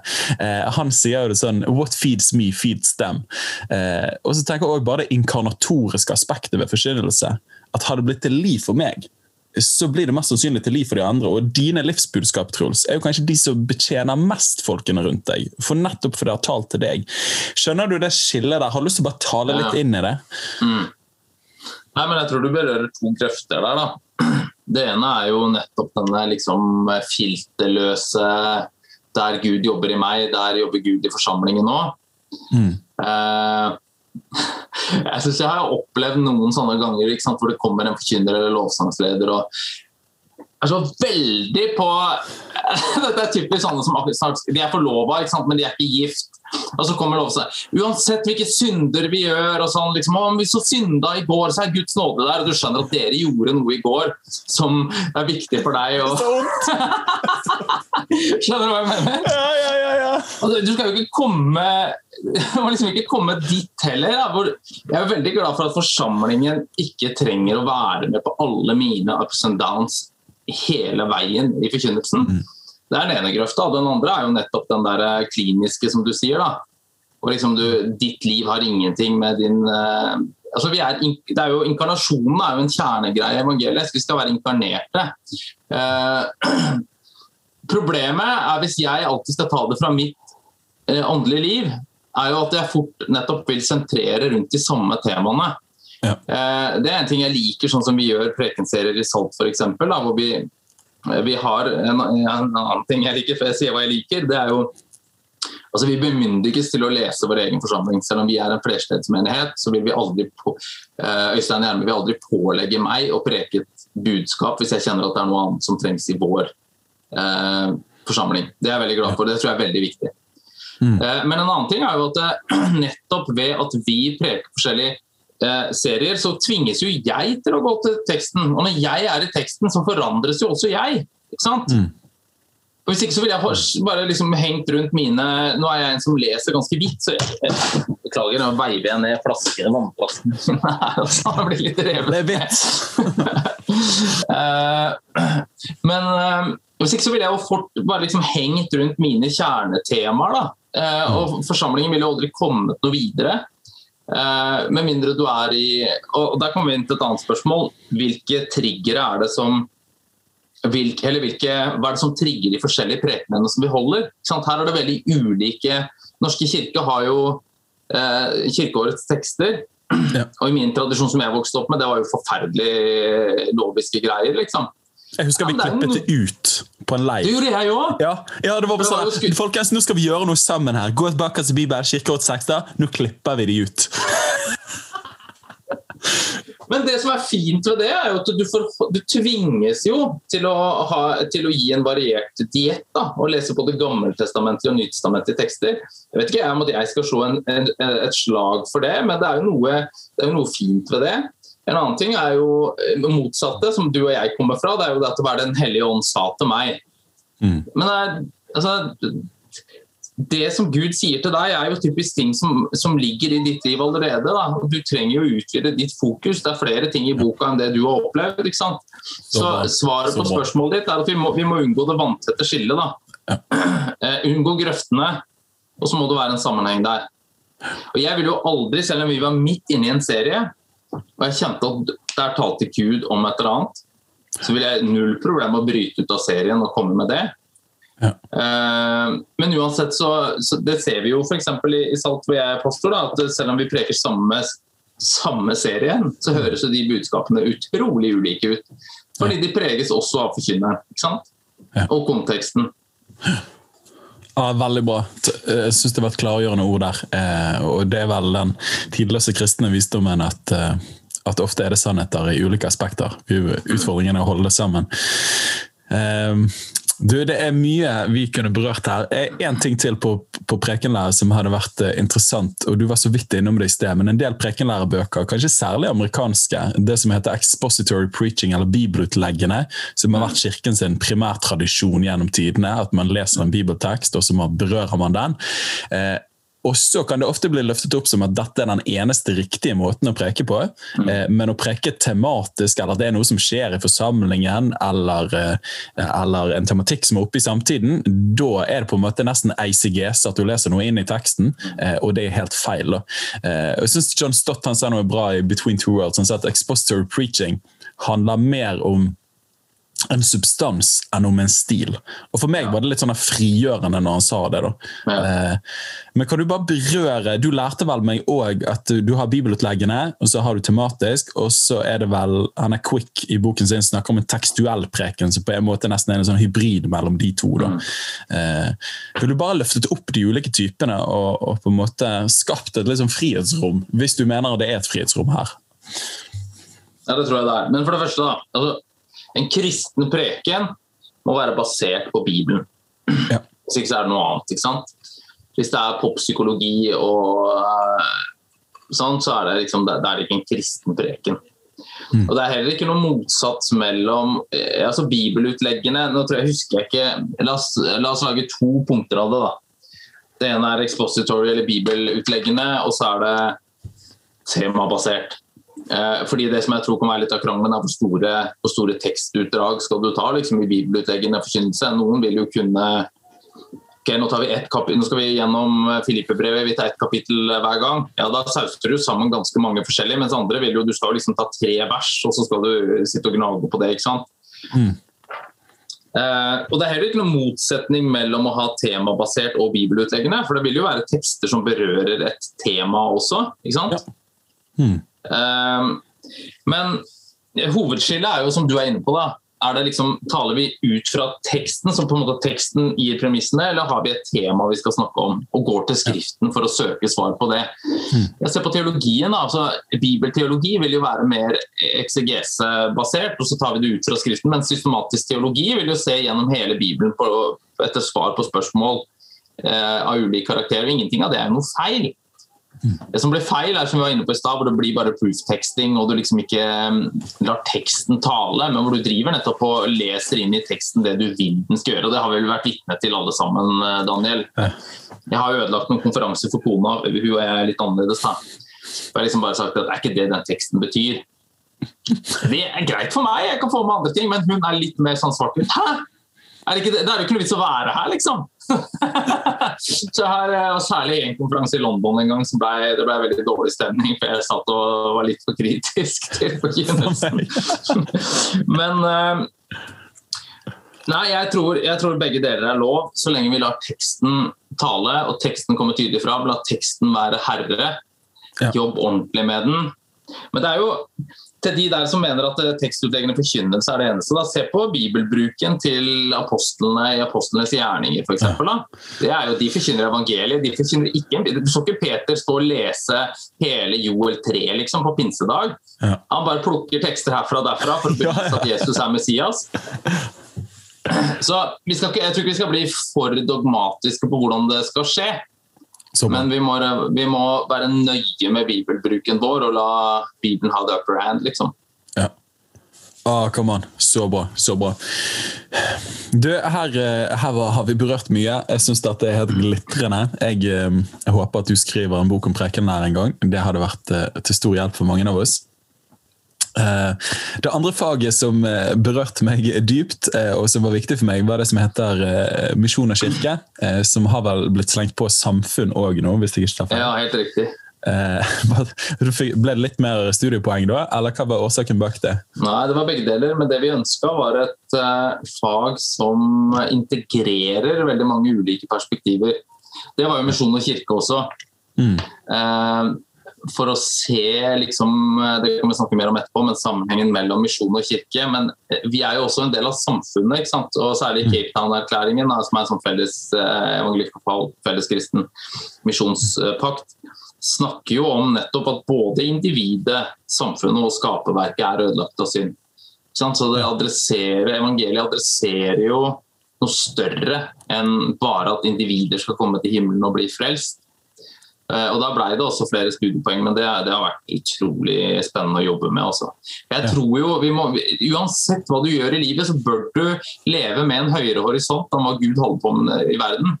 vi trenger jo ikke bare sånne som deg og meg. Liksom, som tjene, det er sånne som også tjener Gud på fulltid. ikke sant? De andre tjener jo Gud bare to timer på søndag. Det er jo sludder og vås. Enten så tjener du Gud, eller så tjener du ikke Gud i det hele tatt. Og enten du er lærer eller lege eller student eller uføretrygda, så kan ditt liv leves under en større horisont da, om hva Gud holder på med i verden. Så Det var litt av hensikten. Oh. Ja, for jeg husker for meg eh, så var jo kanskje det store endringen var å, å, tenke på en måte kirke og misjon som to ulike størrelser. og Du tok vel og meldte opp den karikaturen at, at, vi som kirke vi har et misjonsprosjekt i Afrika. og Det er på en måte vårt misjonsbidrag. Eh, men da å kunne forstå at kirke og misjon er to sider av samme sak. Nemlig at, eh, at uh, misjonens gud eh, har en misjon i verden, eh, og det får et uttrykk i den lokale kirken, som igjen er en del av Guds misjon. Osv. Og så var det vel det at Begynner du med kirken, så finner du sjelden misjonen, men begynner du med misjonen, så finner du kirken. Kanskje du Kunne du bare lukket ut noe av essensen i hva som menes med dette her? Mm. Opp mot tradisjonell forståelse, der man gjerne har vært veldig sånn kategorisk. Ja, det kan jeg prøve på. Eh, så, eh, det er vanskelig å si noe kort om dette her. Men eh, sånn organisatorisk, da, helt tilbake fra i hvert fall den protestantiske eh, misjonsbevegelsen begynner med William Kerry, hvis vi tar det som startskudd på slutten av 1700-tallet, så skjedde det og så oppstår det utover på 1800-tallet i Norge også. På, fra midten av 1800-tallet utover så dannes det misjonsorganisasjoner. ikke sant? Mm. Så får man da et organisatorisk skille mellom kirke, som er noe vi driver med her hjemme, og misjon, som er noe vi gjør der ute. Hos hedningene. ikke sant? Mm. For vi er jo et kristent land. Eh, så vi trenger jo kommisjon. Bare, nå skal jeg si noe som høres veldig politisk ukorrekt ut, da, men dette er, ikke, dette er, bare for å vise liksom, en forståelse som var Så min mor kom da springende inn på eh, Hun er født i 49, og det har vært da midt på 50-tallet. Og tante Elsa har vært på påskefjellet og blitt skikkelig brun. Og det ser mamma og springer inn til sin mor og sier liksom mamma, mamma, pappa, tante Elsa er svart som en hedning. Og hvorfor tenkte hun det? Jo, fordi hedningene det er jo de som bor i Afrika og Asia og Latin-Amerika, land langt borte. Mens de kristne, vi bor her. Og så har det jo skjedd en enorm endring da, over bare, bare, siden den perioden. har skjedd et fullstendig skifte i hele, det, i hele, kirkelandskapet. Det er jo her oppe hedningene bor. De kristne ah, bor jo i Afrika og Asia og Latin-Amerika. Eh, men for å komme tilbake til dette skillet, da. Eh, så, så, skjer det Nå hører jeg blir litt sånn lærer her, men det er en del misjonskonferanser fra Edinburgh i 1910 og utover på, på 1900-tallet. Man stadig begynner å se at Eh, ja, men misjon og kirke kan ikke skilles. Og Særlig på en konferanse i, tidlig på 50-tallet så, så, kommer dette begrepet 'missio dei' opp. Det har vært brukt lenge. Men altså Guds oppdrag. Mm. Uh, og Fra den tida og framover har dette vært et av nøkkelbegrepene i misjonen. Fordi Det er først og fremst Gud som har et oppdrag i verden, som du var inne på å sitere her også. Det er ikke kirkens Gud som har en misjon. Og Når vi snakker om misjon nå, så snakker vi om missio oppdrag. så Jeg bruker gjerne det ordet. for Hvis vi sier misjon, så tenker folk på disse lysbildeseriene av misjonæren som drar med seg kvelerslangeskinn og giftpiler og står der og samler inn penger. Eh, så, så det, er ikke, det, er ikke, kirkens gud som har en misjon eller et oppdrag i verden. Det er misjonens gud som har en kirke i verden. Ah, det er Missio Dei, dette begynner med Gud, og det begynner helt i begynnelsen av fortellingen. Eh, helt fra syndefallet. Første spørsmålet Gud stiller, 'Hvor er du?' Det er, det, er spørsmålet som liksom går som et ekko gjennom hele Bibelen. Hvor er du, Gud, som søker mennesket?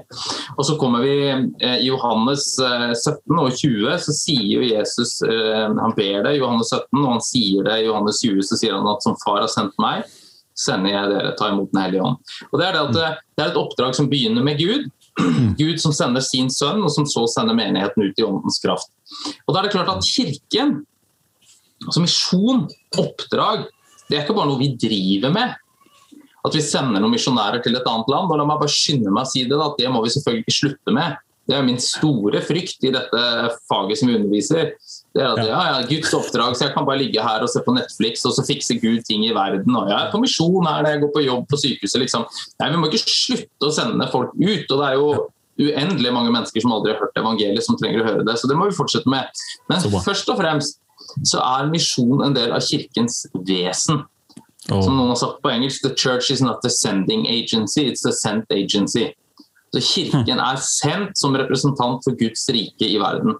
Eh, og En av de som virkelig gjør dette, slår inn denne spikeren tydelig, da, det er Leslie Newbigin, som var misjonær i, eh, for Church of Scotland i, eh, i India. Kommer tilbake til Storbritannia på 50- eller 60-tallet og gjør en observasjon at dette samfunnet er ikke det kristne samfunnet vi regna med.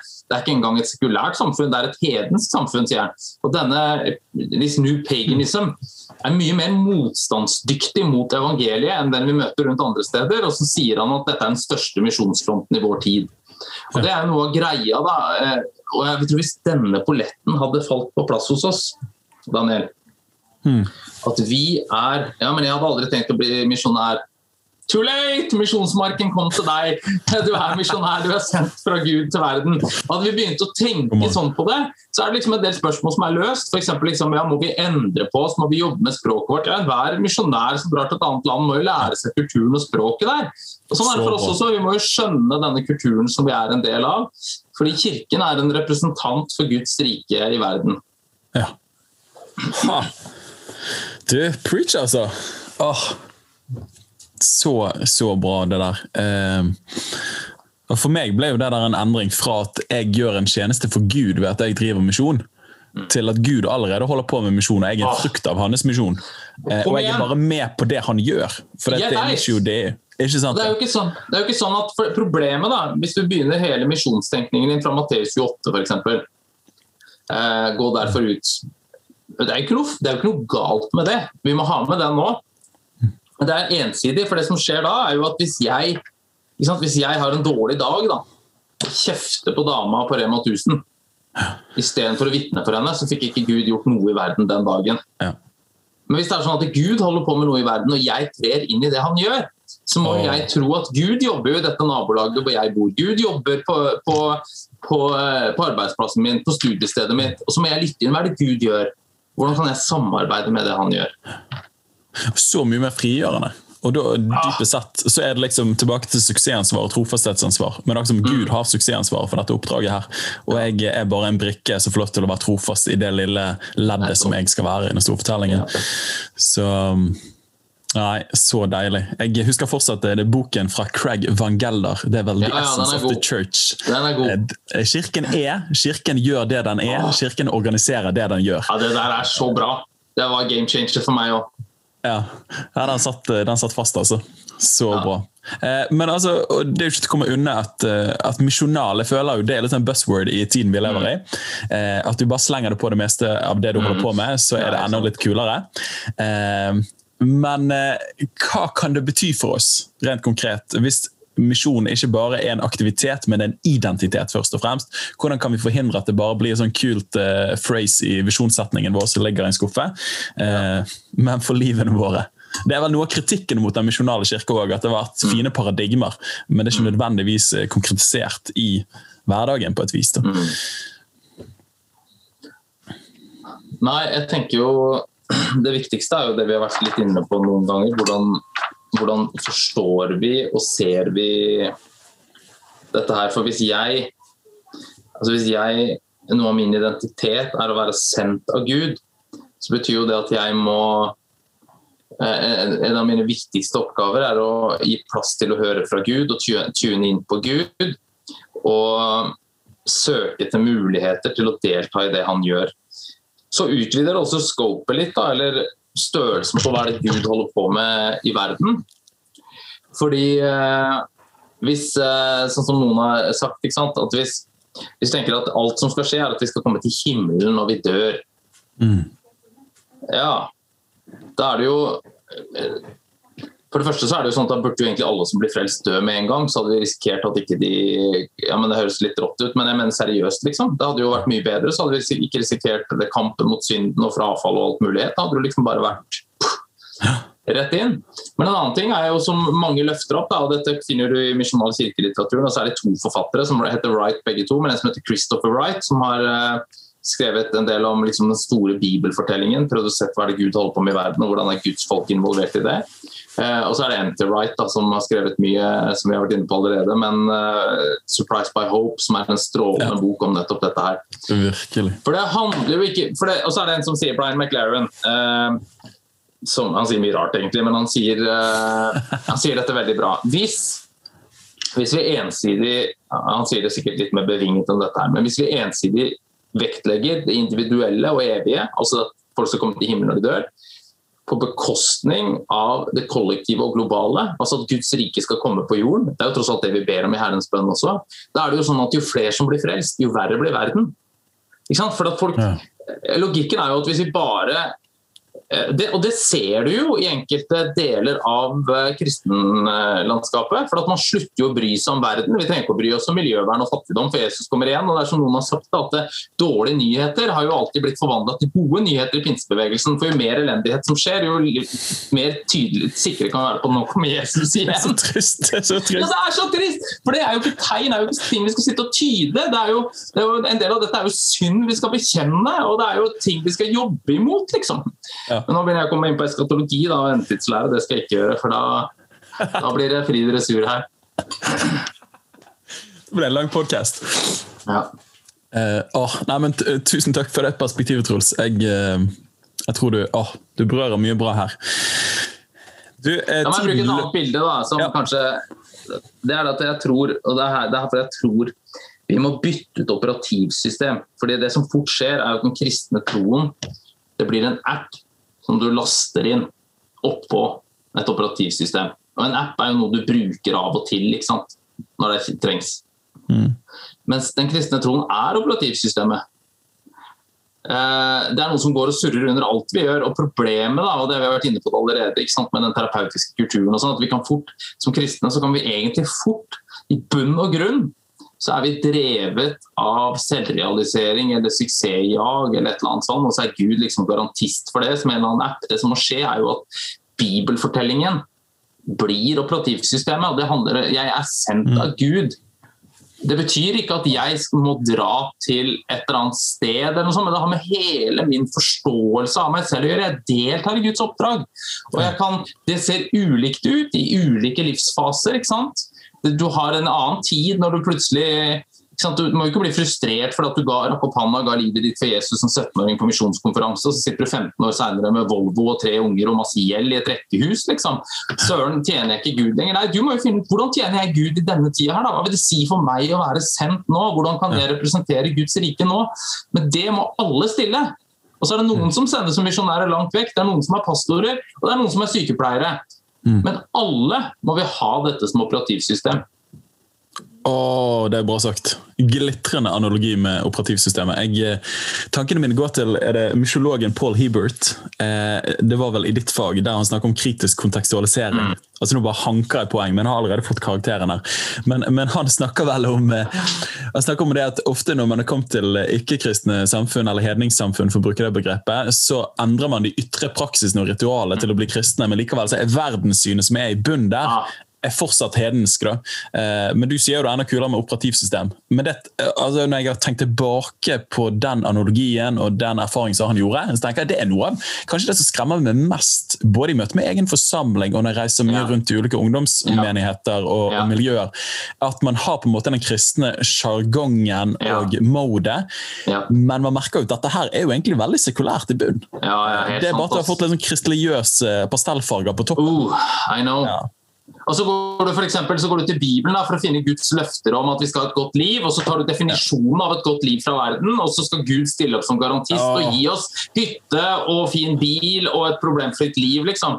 Hva tror du disiplene hadde sagt til det? da? Liksom, alle bortsett fra én dør som martyr. liksom. Jeg, tror, jeg vet ikke om det hadde ledd eller grinet jeg, liksom, av vår forståelse av en del av disse tingene. Oh. Og det, det, triste er jo at vi opplever jo ikke det som Jesus sier, at den som når du, når du mister livet og ikke da nødvendigvis dø, men, men når du liksom gir over herredømme over ditt eget liv til meg, det er nettopp da du skal finne det. Oh, dette er deilig. Ja, dette er Ja, dette er deilig. Her skulle du hatt litt synt, Truls. Så hadde det vært fullkomment. Ja, det, kan du legge på når du redigerer litt sånn Hammond-orgel bak der. Jeg skal gjøre det. Så, det. så, hvis du bare lukker øynene dine, du som lytter på akkurat Nei da. Eh, nei, men nydelig. Nydelig. Du, vi går mot en landing her. Eh, dette har vært praktfullt, men vi må ta noe tid eh, til å snakke om noe som du gjorde meg oppmerksom på når vi planla denne innspillingen. her. Det er nemlig at eh, Du har allerede skrevet et par glitrende bøker. og jeg må jo si at Blant forkynnere i Norge og skribenter innenfor Kristen-Norge, det er få som evner både å være profet og poet på samme tid. Jeg syns du skriver glitrende, Truls. Tusen takk. Men du gir ut en bok snart. Kanskje du, kanskje du deler noen tanker om den? Jo, det kan jeg gjøre. Den kommer eh, til høsten, september, tror jeg. Ja. Tittelen er jo litt sånn pussig tatt i betraktning av at eh, den er skrevet mesteparten av den under eh, koronapandemien, for den heter 'Men vi var ikke hjemme'. For er det noe vi var, så var det bare mye hjemme. Men poenget her er jo det at jeg tror at Gud vil oss noe i de livene vi faktisk lever.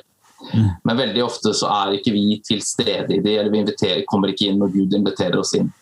Mm. Um, og Det er noe med å være skapt i Guds bilde som har tent lengsler i oss.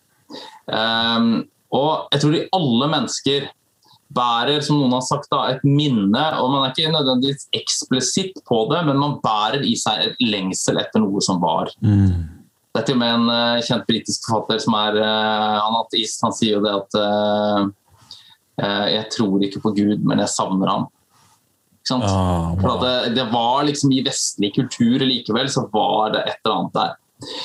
Eh, noe av problemet er jo at vi har fått, vi er skapt i Guds bilde. Vi bærer denne lengselen i oss. Vi bærer liksom ønsket om å forme verden i Guds bilde i oss. Og så lever vi i en kultur som, eh, som pumper opp selve. ikke sant? Løsningen fins i oss selv, vi må følge hjertet vårt, og vi kan bli hva vi vil. Og alt sånt. Mm. Og det skaper en uro i oss. da. Ja. Uh, så det, det, skriver jeg noe om. Uh, og så skriver jeg om tre, tre deler da, som handler litt om det å, å, bli til stede og finne veien hjem. Og når jeg snakker om hjem da, så er det ikke til himmelen når vi dør. Og det er heller ikke bare det å bli en kristen. Fordi jeg mener jeg er jo en kristen, men jeg kan fortsatt kjenne på denne uroen i meg. ikke sant? Det er litt sånn at Jeg kan krysse av på alle tingene på tippekupongen, både hjemme, borte og uavgjort. ikke sant? For det er noe uavgjort i livet mitt, liksom.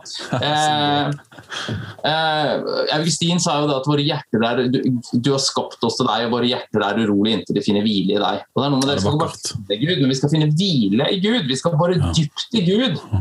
Eh, og Da skrev jeg om tre ting. Jeg skriver om eh, tiden. Eh, for jeg tror vi trenger å temme tiden, da. hvis ikke så blir vi springende rundt i dette eh, rotteracet. Eh, og jeg tror jo jeg tror ikke at løsningen bare er å ta tilbake tiden sånn generelt. og jeg synes En del kristne bøker som skriver om det, er altfor elendighetsbeskrivende. for Det er en del forskning som tyder på at vi har jo ikke mindre tid, vi har mer tid enn vi hadde for noen tiår siden. Problemet tror jeg er mangel på rytmer. Så det vi mangler, er langsom, sammenhengende tid. Så Jeg løfter opp fire, fire praksiser. Da. Det ene er søvn. Jeg tror søvn er en åndelig disiplin. Det å legge seg i tro til Gud og tro at han tar kontroll, selv om vi burde gjort mer før vi legger oss. Eh, og, eh, det som på engelsk heter solitude, men som jeg synes på best på norsk oversettes som solotid, altså tid alene med Gud, sammen med stillhet og sabbat. Wow. Jeg tror sabbat er kjempeviktig. for sabbat, Jeg bruker ordet sabbat med vilje, da, med, selv om det høres litt sånn arkaisk ut. Men eh, å ha 24 sammenhengende timer i uka hvor man ikke jobber, jeg er kjempeviktig. Og så skriver jeg om tilstedeværelse, om at vi må trene på eh, det, få det som eh, Fugli Per Fugli kalte for nok-punktet. At det er godt nok. For det er så mange ting som alltid skal være bedre. Vi skal jo leve fantastiske liv alle sammen. Og alle skal ha 15 minutes of fame, som Andy Warhol snakka om. Liksom, vi må slå oss til ro i livene våre sånn som de faktisk er. Uh, å være til stede der hvor vi er. og det tror jeg gjelder, Der har du en kristen variant for oss som er karismatikere. Daniel, at Vi skal alltid ha neste kick og neste åpenbaring. Men så da takler vi jo ikke at Gud ikke dukker opp og får jo troskriser når gåsehuden uteblir. Liksom. Det er jo noe med å være til stede liksom, her hvor vi er nå. Og så skriver jeg om tilbedelsen. Da. For det første litt av det at vi ikke må skape Gud i vårt bilde men også litt om at vi trenger å møte andre mennesker. Eh, som jeg var inne på i stad, Det er jo nettopp i møte med andre mennesker at jeg formes i Kristus likhet, og tilbedelsen blir sann. Så det var en kort eh, handlingsreferat. Åh, jeg kjenner jo bare mens du, mens du snakker, så er det som om eh, det er en nådepuls som eh, penetrerer det du sier der. Og det er vel Ja, kanskje noe av intensjonen over det hele. Ja. Jeg, eh, altså, er, er denne boken her jeg må jo bare si For min del, jeg har fått øynene opp for en som heter John Mark Comer i det siste. som Ja. flere vet om. Ja, ja. Eh, og han, jeg føler liksom Det er en sånn gradvis åpenbaring blant mange folk uh, når det kommer tilbake til litt sånn monastiske tradisjoner, rytmer. Eh, og, og på en måte Jeg, jeg syns han sa det bra. Han svarte meg faktisk på en personlig melding jeg sendte til han. Tro det eller ei. Jeg ble starstruck. Eh, men han sier jo det at, at vi må ikke miste den karismatiske arven ved at Den hellige ånd virker her og nå. Han kan tale, han kan røre. Samtidig så er det ikke det motsetning til eh, spiritual formation eller den langvarige dannelsen i Kristus Kristuslikhet. Men er dette, denne boken her, er det mer inn mot det som heter spiritual formation eller åndelig dannelse? Ja, men samtidig så er den en, litt en reaksjon Den er litt begge deler. fordi det som jeg synes jeg har sett nå og nå skal jeg, det- det- Dette var veldig sånn konkret for meg. Jeg hadde begynt å skrive boka før det. Men jeg var i en menighet som hadde Dette er bare en illustrasjon, da. Det var ikke det som satte i gang hele greia. Men det var en menighet som har vært veldig opptatt i mange år liksom, å lære fra USA om eh, sant, hvordan gjøre det bedre, og hvordan bli større. og Og jeg tror mange av oss har kommet til en sånn type trøtthet da, Ja. rundt disse syv punktene fra USA på at du skal bygge en megakirke på et halvt år. ikke sant? Ja. Eh, Men det var en nød der etter å nå nye mennesker. Men så så jeg i bokkiosken, i den, de har en egen bokkiosk, og der var det bare bøker om det indre livet og åndelig formasjon og stillhet og sånne ting. Og det jeg er redd for nå, da, det er at vi går fra Vi får et nødvendig korreks, bort fra bare det der å liksom ha syv steg for ditt og datt og være pragmatisk og lederorientert og bla, bla, bla. liksom.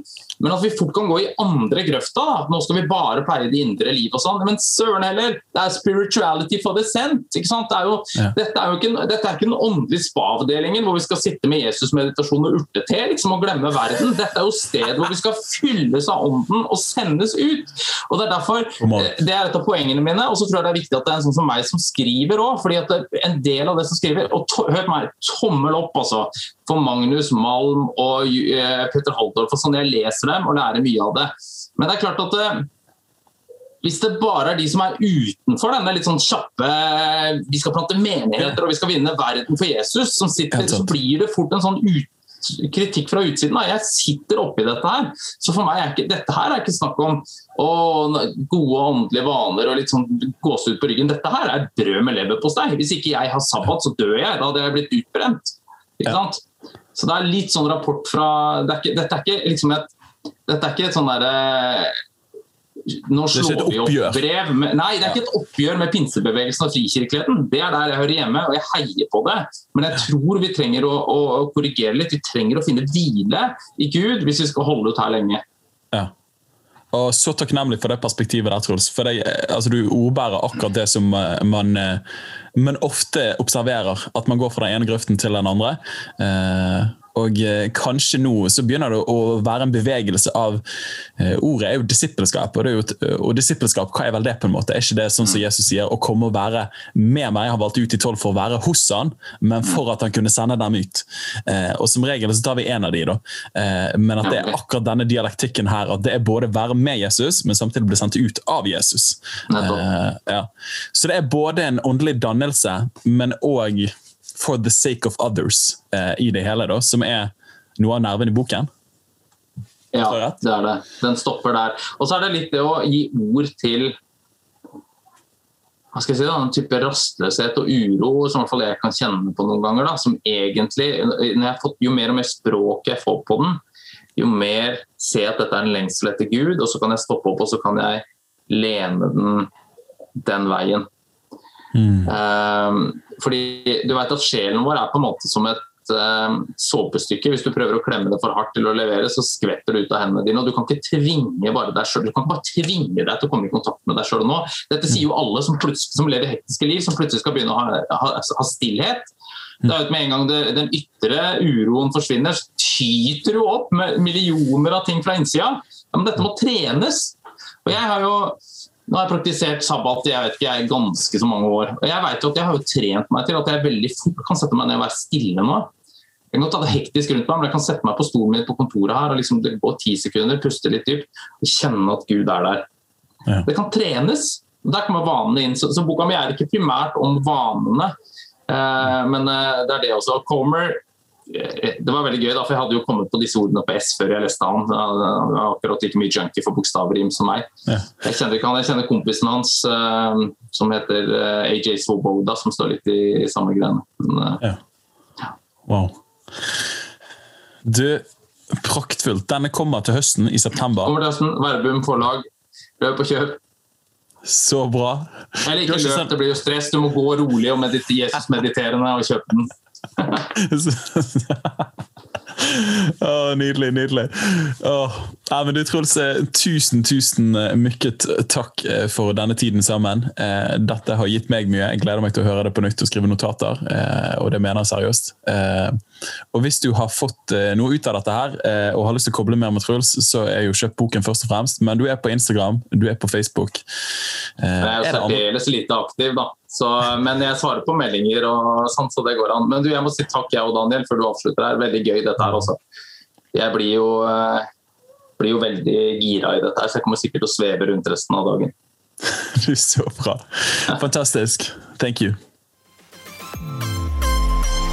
Takk for at du lyttet inn til Liv og lederskap, og håper at du ble inspirert til å leve sterkere og lede større i Jesus etterfølgelse. Hvis denne episoden ga deg noe, del den veldig gjerne videre til en venn eller to, sånn at de kan bli inspirert. Og husk det at ditt liv, ditt lederskap, betyr en forskjell, så ikke len deg tilbake, men len deg framover. Vi trenger deg.